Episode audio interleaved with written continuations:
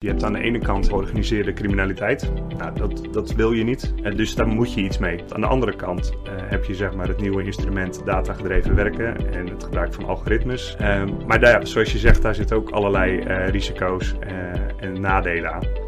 Uh, maar tegelijkertijd kan het dus wel inzichten bieden uh, ja, die je anders niet hebt. Wat heel belangrijk is, is om data altijd in een bepaalde context te plaatsen. Blijf kritisch, vertrouw op je boerenslimheid. Uh, laat je niet misleiden door bepaalde data-analyses.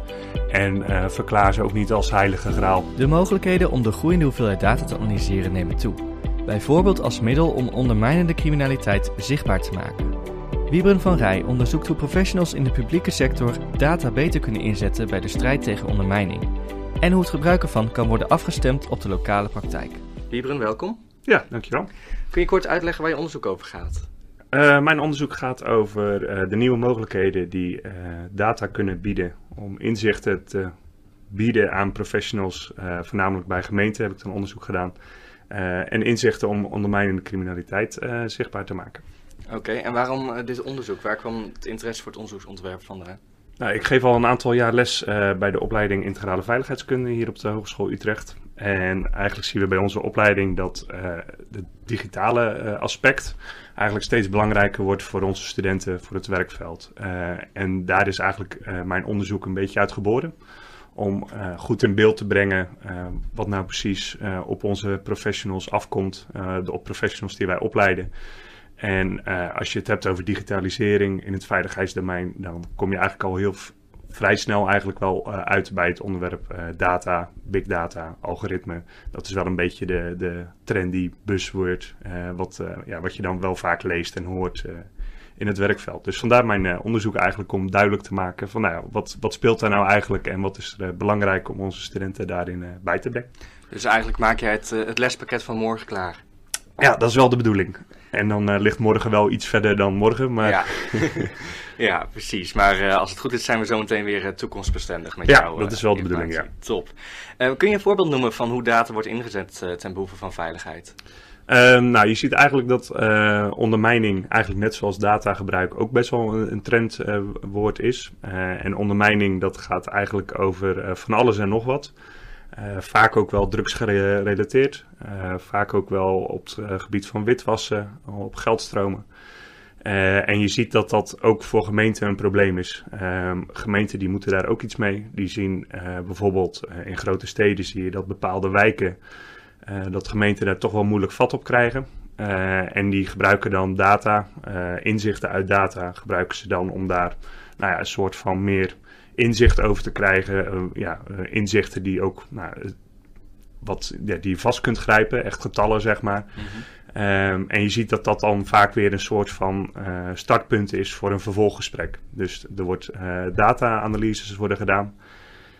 en vervolgens gaat de gemeente in een gesprek met een politieagent, met een wijkagent, met een buurtcoach, met de jongerenwerken, met andere organisaties, bijvoorbeeld met scholen. Uh, en zo zie je dat bijvoorbeeld data gebruikt wordt uh, ja, om daar uh, inzichten over te creëren en ook het gesprek en dan vervolgens daar beleid op te formuleren. Precies, en als we het dan heel concreet maken, aan wat voor data moet ik bijvoorbeeld denken, wordt er een agent ingezet om naar een school te gaan? wat voor data bekijken de wethouders dan? Nou ja, je hebt, uh, bijvoorbeeld uh, waar ik dan onderzoek heb gedaan is uh, het dashboard Zicht op Ondermijning. Het mm -hmm. is een groot project vanuit Binnenlandse Zaken en een aantal grote steden. Um, en die gebruiken bijvoorbeeld data over jongeren die bijvoorbeeld het CBS heeft, die gemeente hebben.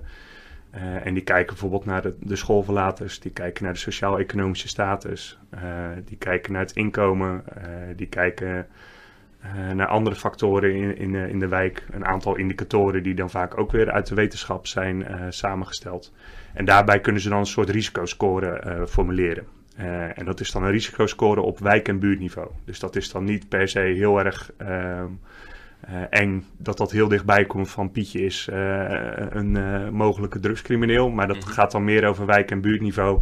Van waar zijn nou de hoogste percentage risicojongeren die bijvoorbeeld ja, vaak geronseld worden om hand- en spandiensten te verlenen voor drugscriminelen. Ja. en als je dan weet in welke wijken en buurten dat dat bijvoorbeeld afwijkende scores zijn, dan kun je eens met een school in gesprek gaan of met een jongerenwerker of met andere zorgprofessionals bijvoorbeeld. Om daar eens gesprek over op te, aan te gaan. Van nou, wat weet jij wat er speelt? wat kunnen we doen? Herken jij dit? Of zie jij toch iets anders?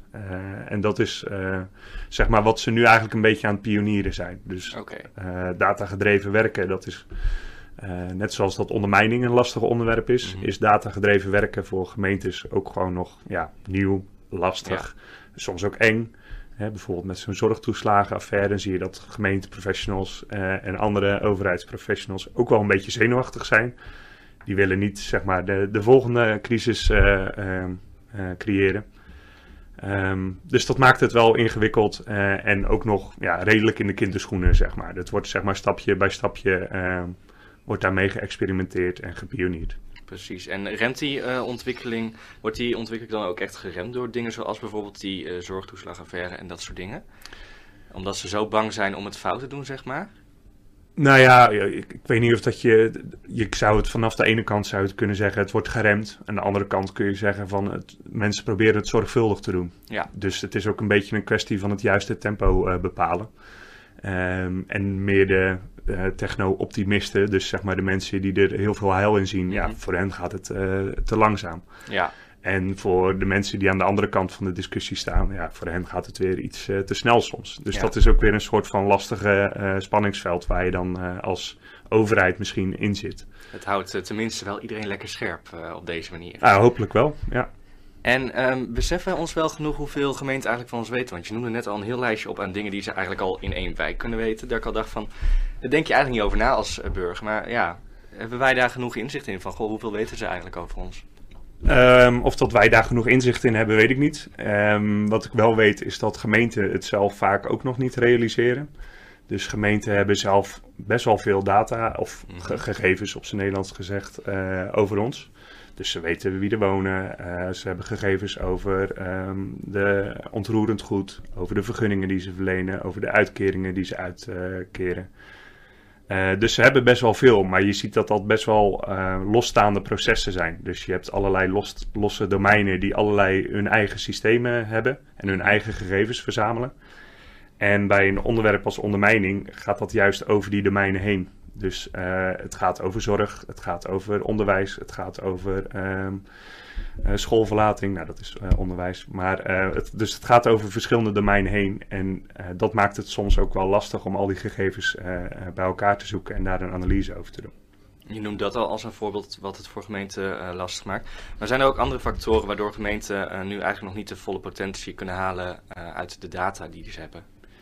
Ja, nee, het, het, is niet zozeer uh, uh, alleen een nieuwe technologie die ze moeten gebruiken. Dus het is niet een heel simpel verhaal van oké, okay, we hebben iets nieuws en dat passen we toe. Maar dat vraagt ook capaciteit. Uh, het idee is vaak dat data heel efficiënt is en kosten bespaart. Mm -hmm. Maar omdat je nu nog in een soort van beginfase zit, vraagt het eerst nog een investering, ook qua geld, voordat je uiteindelijk misschien ja, dat goed geborgd hebt en dat het geld kan opleveren. Ja. Um, maar daarnaast kost het ook, uh, vraagt het ook andere competenties. Het, gaat, het zorgt voor andere werkprocessen. Het zorgt voor een andere structuur. Uh, ook je organisatiecultuur zal misschien uh, aangepast moeten worden. mensen zijn gewend op een bepaalde manier te werken. En daar komt dan ja, voor sommige mensen iets nieuws en iets wat ze niet kennen, komt dan om de hoek. En daar moeten ze dan iets mee. Ja. Um, dus dat maakt het wel ingewikkeld soms. Je zegt al van het, uh, het is iets nieuws voor sommige mensen. Uh, ook wel een beetje eng misschien omdat ze het niet kennen.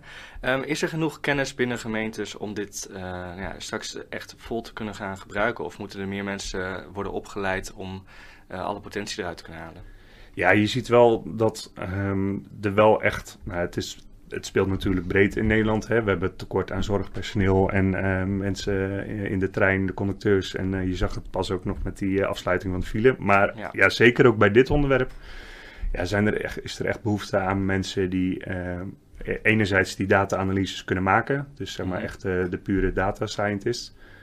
Um, maar wat uit mijn onderzoek blijkt is er dat er ook wel vooral heel veel behoefte is aan mensen die en iets van die data snappen en iets van het veiligheidswereldje. En vervolgens ook nog eens uh, de juiste mensen weten te strikken uh, als ze bijvoorbeeld iets nodig hebben of een aanvullend aanzicht of uh, ergens niet uitkomen. Ja. Ehm, dus ja, daar, daar, is, daar staan gemeenten en andere overheidsinstanties staan daar wel echt om te springen om dat soort mensen die ja, eigenlijk een soort generalist zijn van de toekomst ja, op het gebied van het werken met data, maar tegelijkertijd wel weten wat er speelt in de maatschappij en in een organisatie. Ja, dat is nogal een, een, een flink wensenlijstje voor gemeentes om te hebben in deze tijd. Um, je zegt al van, ze moeten ook verstand hebben over veiligheid. Um, nou is data altijd in Nederland een gevoelig onderwerp, wereldwijd natuurlijk. Omdat het nou ja, vaak voor het goede wordt ingezet gelukkig, maar het kan ook voor het kwade worden ingezet.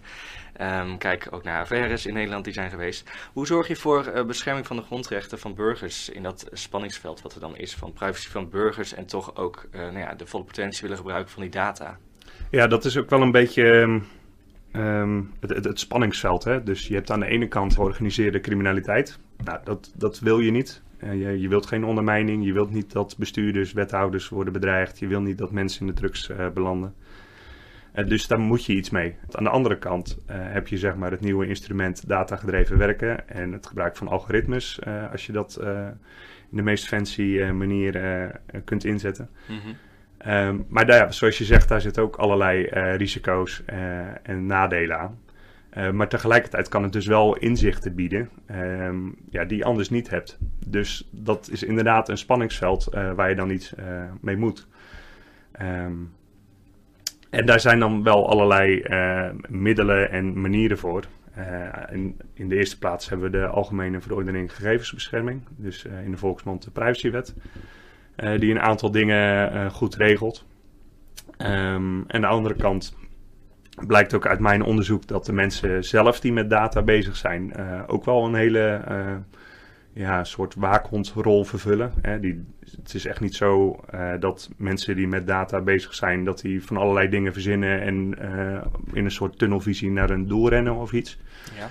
Um, maar die zijn echt wel bewust met waar ze mee bezig zijn. En die gaan echt niet een soort trucje uithalen met de data uh, zonder na te denken wat voor gevolgen dat dat heeft. Natuurlijk is dat in het verleden wel fout gegaan.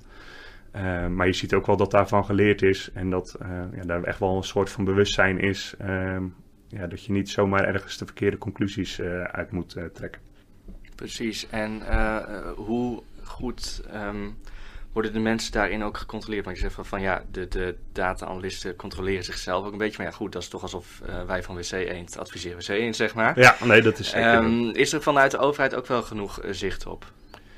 Um, nou ja, je hebt ook verschillende uh, instanties en rollen ook binnen zo'n dataproject die ook ja, het is niet zo dat één iemand het trucje doet en vervolgens gebeurt er iets mee. Dus je hebt altijd wel verschillende organisaties die erop toezien of verschillende functierollen die er weer net even iets anders naar kijken. Um, dus dat in zijn geheel moet wel zorgen ja, voor een zorgvuldige data-inzet. Dus bijvoorbeeld het dashboard waar ik net aan refereerde, dat wordt op toegezien door het CBS. Mhm. Dus het CBS zit er heel erg in van oké, prima als jullie onze data gebruiken. Maar daar zitten wij dan zelf wel heel kort op om te kijken van wat ermee gebeurt. En als er een risico is op onthulling, dus dat uh, boefje A, uh, daar moet je zijn op adres uh, X. Dat wil het CBS dus heel streng niet. Dus dan wordt er door een analist worden er analyses gedaan. En dan wordt er nog eens een keer door een onafhankelijke andere analist, wordt er nog eens een keer een dubbelcheck gedaan op de analyse die ze hebben gedaan of het algoritme wat er is gebruikt. Uh, dus zo zie je wel dat er altijd wel checks en balances zitten uh, bij zo'n uh, dashboard als zicht op ondermijning. Oké, dus het is niet zo dat ze echt op persoonlijk niveau één persoon in de wijk alle data kunnen inzien. Het gaat eigenlijk over een grote groep en zodra, zodra die groep te klein wordt, uh, wordt de data eigenlijk geblokkeerd, de toegang daartoe. Ja, klopt. In dit geval wel. Tuurlijk zijn er ook wel, uh, is dit een hele specifieke toepassing waar ik nu naar refereer. En zijn er vast ook nog wel andere uh, um, toepassingen van. Um, maar het is ook een beetje een spanning. Kijk, mensen kunnen ook bevooroordeeld zijn en kunnen ook verkeerde conclusies trekken. En datzelfde zie je ook bij het gebruik van data. daar kun je ook verkeerde conclusies trekken. Uh, kun je ook oorzakelijke verbanden zien, waarbij het gewoon toevalligheden zijn bijvoorbeeld. Um, maar dat heeft een mens ook. En ja. daar moeten we een soort van evenwicht in vinden van uh, ja, de voordelen van data En de voordelen van menselijke slimmigheden, om het zo maar te zeggen. En hoe, hoe voorkom je dat data nou ja, iemand vals ergens van beschuldigt? Nou ja, wat heel belangrijk is, is om data altijd in een bepaalde context te plaatsen. Ehm, dus het goed interpreteren van data. En uh, dat kun je niet in je eentje vaak. En dat kun je ook niet zonder een bepaalde uh, kennis van de lokale context. Dus um, als er bijvoorbeeld uit een analyse blijkt dat ergens in een buurt iets aan de hand is, dan heb je altijd bijvoorbeeld een lokale uh, gemeenteambtenaar of misschien dat de BOA's je iets kunnen vertellen of de handhavers of de wijkagent of noem het maar op. Um, waardoor misschien bepaalde uitkomsten heel logisch te verklaren zijn. Zonder dat je daar gelijk uh, in een soort van tunnelvisie in belandt van hier moeten we echt op gaan inzetten. Ja, en je zegt net ook alweer van ja, er kijken vaak meerdere mensen naar uh, data. Uh, de veiligheid staat hoog in het vaandel. Maar goed, we weten ook dat gemeenten al jaren moeite hebben om de begrotingen te dichten. Is er wel genoeg budget om genoeg mensen in te huren? Vooral, nou ja, grote gemeentes lukt het misschien nog, maar vooral de kleinere gemeentes zullen toch wel moeite hebben met uh, dit onderwerp. Ja, klopt. Um, nee, je ziet inderdaad dat grote gemeenten, die hebben inderdaad uh, de capaciteit, hè, die, waar ik net al zei, capaciteit is vaak ook heel belangrijk in deze beginfase. En inderdaad, kleinere gemeenten die, die, ja, die worstelen hiermee. Die hebben natuurlijk ook wel vaak niet dezelfde orde van grootte in de problemen als grote steden. Um, maar die, ja, die willen wel ook gewoon uh, mee in uh, het datagedreven werken en die willen ook de voordelen ervan benutten. Uh, dus je ziet dat die vanuit allerlei initiatieven ook geholpen worden. bijvoorbeeld vanuit het, de VNG, de Vereniging Nederlandse Gemeenten, die zijn met initiatieven bezig. vanuit het ministerie van Binnenlandse Zaken, maar ook vanuit de RIEK-regio's. Dus in Nederland heb je tien RIEK-regio's, regionale inlichtingen en expertisecentra. -hmm. En die zijn eigenlijk opgericht op uh, het thema ondermijning om gemeenten, voornamelijk gemeenten, te ondersteunen. En ook de samenwerking te zoeken met andere partijen zoals Belastingdienst, politie, OM en nog een aantal uh, partners. Om gemeenten te ondersteunen, specifiek op het thema ondermijning. Uh, en dus ook de laatste tijd steeds meer in het datagedreven werken en de analyses maken op het thema ondermijning. Is het dan nu zo dat, om even een, een voorbeeld te trekken uit de coronacrisis begin. Toen waren alle GGD's nog heel erg afzonderlijk. Die samenwerking was er nog niet. Is dat nu ook nog het geval in dit gebied uh, van data? Of is de samenwerking daar al wel stukken verder? Nou ja, op kleine schaal zie je soms wel mooie initiatieven. Hè? Dus waarbij gemeenten onderling de samenwerking zoeken. Dus kleinere gemeenten in bepaalde regio's die trekken dan samen op. Um, maar je ziet ook wel dat uh, bepaalde uh, methodologieën op het gebied van data-analyse, dat daar bijvoorbeeld best nog wel verschillen in zijn en dat iedereen een beetje zelf het wiel probeert uit te vinden. Um, en dat is aan de ene kant logisch, hè, want het is ook gewoon lastig uh, om over heel Nederland op één manier te werken. Dat, ja, dat is gewoon heel lastig om dat uit te dokteren. Mm -hmm. um, tegelijkertijd, het is logisch, maar moet je er wel van leren. En moet je wel natuurlijk van alle initiatieven die er zijn en alle manieren van werken, dat je daar wel uh, van leert en de goede uit weet te pikken. Uh, en dat je dus van elkaar kunt leren. En uiteindelijk niet dat iedereen uh, het wiel zelf hoeft uit te vinden. Nee, precies. Als het eenmaal een keertje is uitgevonden, hoop je toch dat het in Nederland zich verspreidt. En, ja. En hoe zit die samenwerking? Nou, dat is dan in Nederland wordt die steeds beter. Dat zijn ze mee bezig. Het wiel nog een beetje uitgevonden. Hoe zit die samenwerking bijvoorbeeld breder in nou, de Benelux, Europa, wereldwijd? Is die daar ook, vooral voor de, nou ja, voor de topcriminelen, je noemde zelf ook al uh, drugsbendes en zo. Die opereren toch vaak niet alleen uh, in uh, Noord-Brabant, maar ook helaas nou ja, in Mexico ja. weet ik veel. Hoe is die samenwerking? Um, nou, dat is niet zozeer specifiek het onderwerp van mijn onderzoek. Mm Maar je ziet wel in de grensregio's dat er wel heel veel wordt samengewerkt met, met de Belgische en de Duitse collega's bijvoorbeeld. Uh, ja, maar dat is eigenlijk van oudsher natuurlijk ook al uh, ja. het geval. Um, en hoe dat op het gebied van datagedreven werk is, weet ik niet. Maar dat is natuurlijk sowieso al lastig met uh, de privacywet, vermoed ja. ik. Ja. Wat hoop je dat je onderzoek teweeg brengt? Um, nou ja, wat dat teweeg brengt, uh, aan de ene kant uh, natuurlijk uh, voor de opdrachtgever die ik in dit geval heb, voor de Hogeschool Utrecht hoop ik dat het een state-of-the-art onderwijsprogramma oplevert.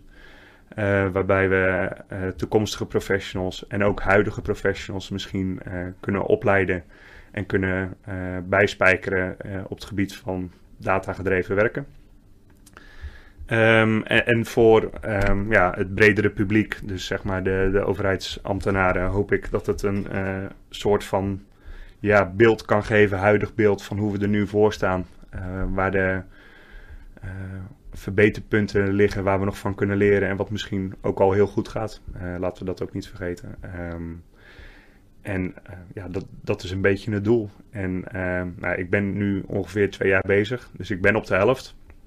Uh, dus dit is ook wel een soort van moment om verder te kijken. Oké, uh, dit weet ik nu. Uh, waar liggen nu nog de meeste ja, kansen om echt nog onderzoek te doen en van te leren? Ja, dus zometeen hebben we uiteindelijk een lespakket voor de Hogeschool Utrecht. Maar als het goed is ook een soort van lespakket voor de professional die al wel aan de slag is, maar nog niet genoeg kennis heeft. Ja, en bijvoorbeeld ook, uh, nou ja, uh, dat je bijvoorbeeld capaciteit heel belangrijk is, dat competenties heel belangrijk is en dat het voornamelijk heel belangrijk is om die organisationele context wel in de gaten te blijven houden. Uh, omdat die ook gewoon heel bepalend is voor hoe uiteindelijk data wordt gebruikt. Ja, we hadden net al eventjes over kleinere gemeenten en grotere gemeenten. Toen gaf je al aan dat grote gemeenten een voordeel hebben omdat ze nou ja, groter zijn. Er is vaak meer budget, er ligt wel meer prioriteit misschien bij. Wat kunnen we leren van de aanpak van grote gemeenten op dit gebied? Nou ja, die, die zijn echt aan het pionieren. Dus die uh, zijn heel veel uh, obstakels die er zijn, die hebben zij al genomen. Dus op het gebied van uh, welke gegevens je wel of niet kunt gebruiken. hoe je dat kunt regelen, hoe je dat juridisch borgt. hoe je dat vervolgens weer in een, bijvoorbeeld een dashboard kunt toveren. Nou, dat zijn dingen die een grote gemeente al heeft gedaan. Uh, en je ziet ook dat grotere gemeenten daar een soort voortrekkersrol in hebben. Hè? Dus dan grotere gemeenten die krijgen dan belletjes van kleinere gemeenten. Van hé, uh, hey, ik heb gehoord dat jij dit en dat al hebt gedaan. En dat jij dit en dat hebt ontwikkeld. Uh, kan ik een keer langskomen samen met mijn manager. zodat jij ons kunt uitleggen hoe je dat hebt gedaan. En ehm, ja, of dat wij dat misschien ook kunnen gaan doen. En die bereidheid is er? Ja, die bereidheid is er. In ieder geval de mensen die ik gesproken heb. Ja, dat zijn wel de verhalen die, die je dan hoort, ja. Mooi. Um, hoe vind je dat de overheid data op een integere manier zou moeten inzetten? Nou ja, altijd in, in, verbinding, zoals ik al zei, met die lokale context. Um, dus niet uh, top-down met analyses over de brug komen van dit en dat is er aan de hand, doe er wat mee. maar dat het altijd nog een soort van interpretatieslag vergt. Um, voornamelijk ook richting die lokale uh, situatie. Dus wat is het lokale beleid wat er speelt? Wat is de geschiedenis van een wijk?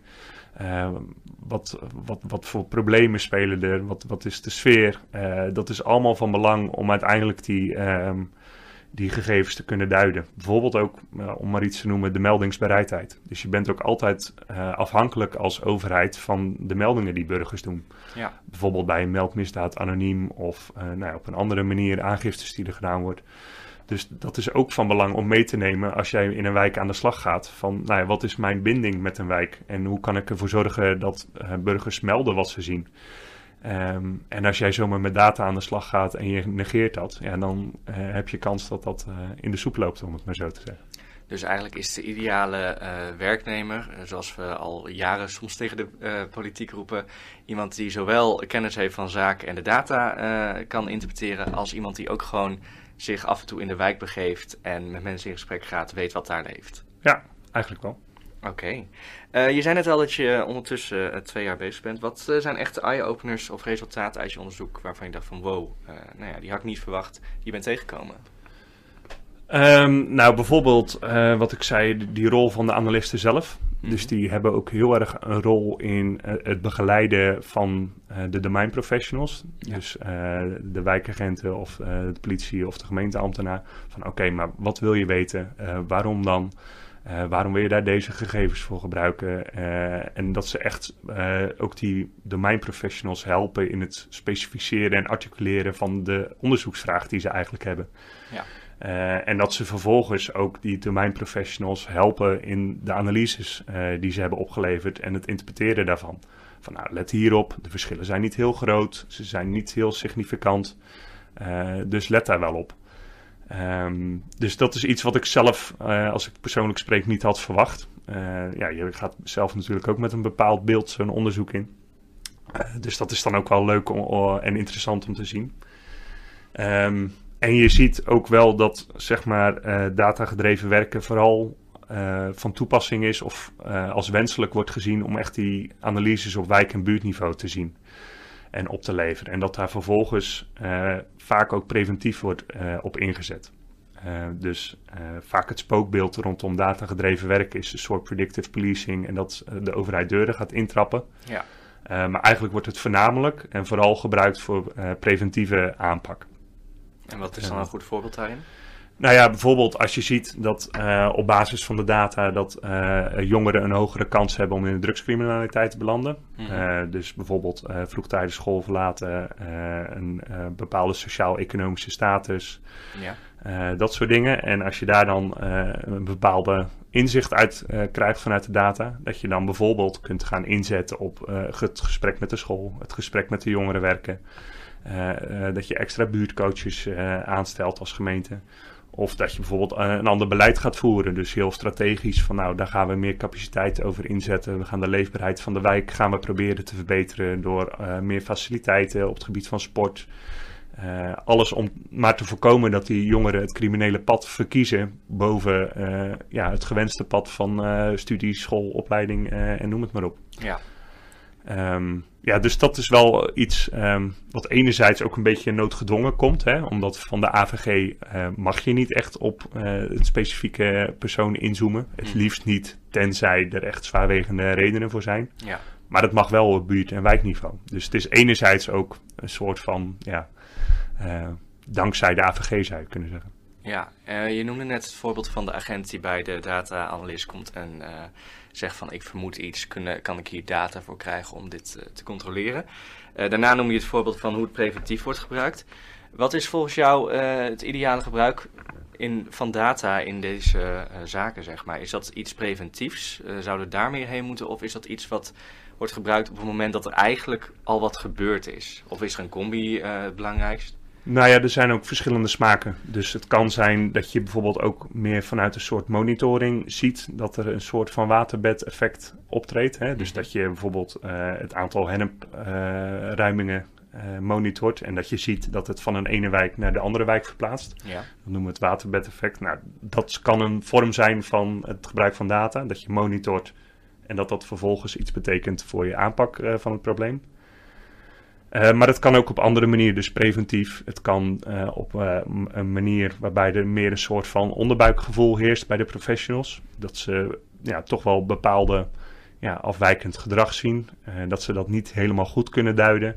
Ze zien figuren ja, waar ze dan een soort van onderbuikgevoel bij krijgen. Nou, wat natuurlijk ook een soort van denkfout kan zijn, maar goed. En, maar dat je dan vervolgens wel de zijstap kunt maken van oké, maar wat gebeurt er in die wijk? Uh, het zijn dat bijvoorbeeld uh, dat er een, een, grote stijging is van het aantal kapperszaken of juweliers. Hè, dat je ook ja. kunt afvragen van nou, waarom zijn er opeens zoveel? En worden ze misschien ergens anders voor gebruikt dan alleen voor de doeleinden waarvoor ze eigenlijk bestemd zijn?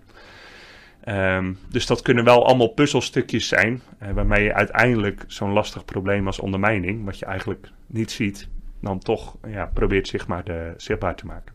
Ja, dit is een uh, complex onderwerp, daarom maken we onder andere deze podcast om hem wat behapbaarder te maken. Um, maar wat voor mij tenminste altijd heel erg helpt, en volgens mij ook wel voor anderen, is uh, iets om te lezen of te kijken, om het onderwerp wat beter te begrijpen, je in te kunnen leven. Wat is volgens jou een, must-read of een must-see wat betreft dit onderwerp? Um, nou ja, omdat het onderwerp zo ingewikkeld is op het gebied van data en algoritme, zou dat niet mijn eerste aanrader zijn. Um, maar eigenlijk zie je dat bij het gebruik van data eigenlijk dezelfde klassieke uh, patronen en denkfouten uh, zich manifesteren als bij het normale gebruik van statistiek en cijfers. Mm -hmm. um, dus je hebt bijvoorbeeld het boek van uh, Kahneman, Ons vuilbare denken. Dat is best wel een klassieker. Dat gaat dan in over nou, hoe ons brein werkt en hoe je bepaalde verkeerde conclusies makkelijk trekt in bepaalde situaties.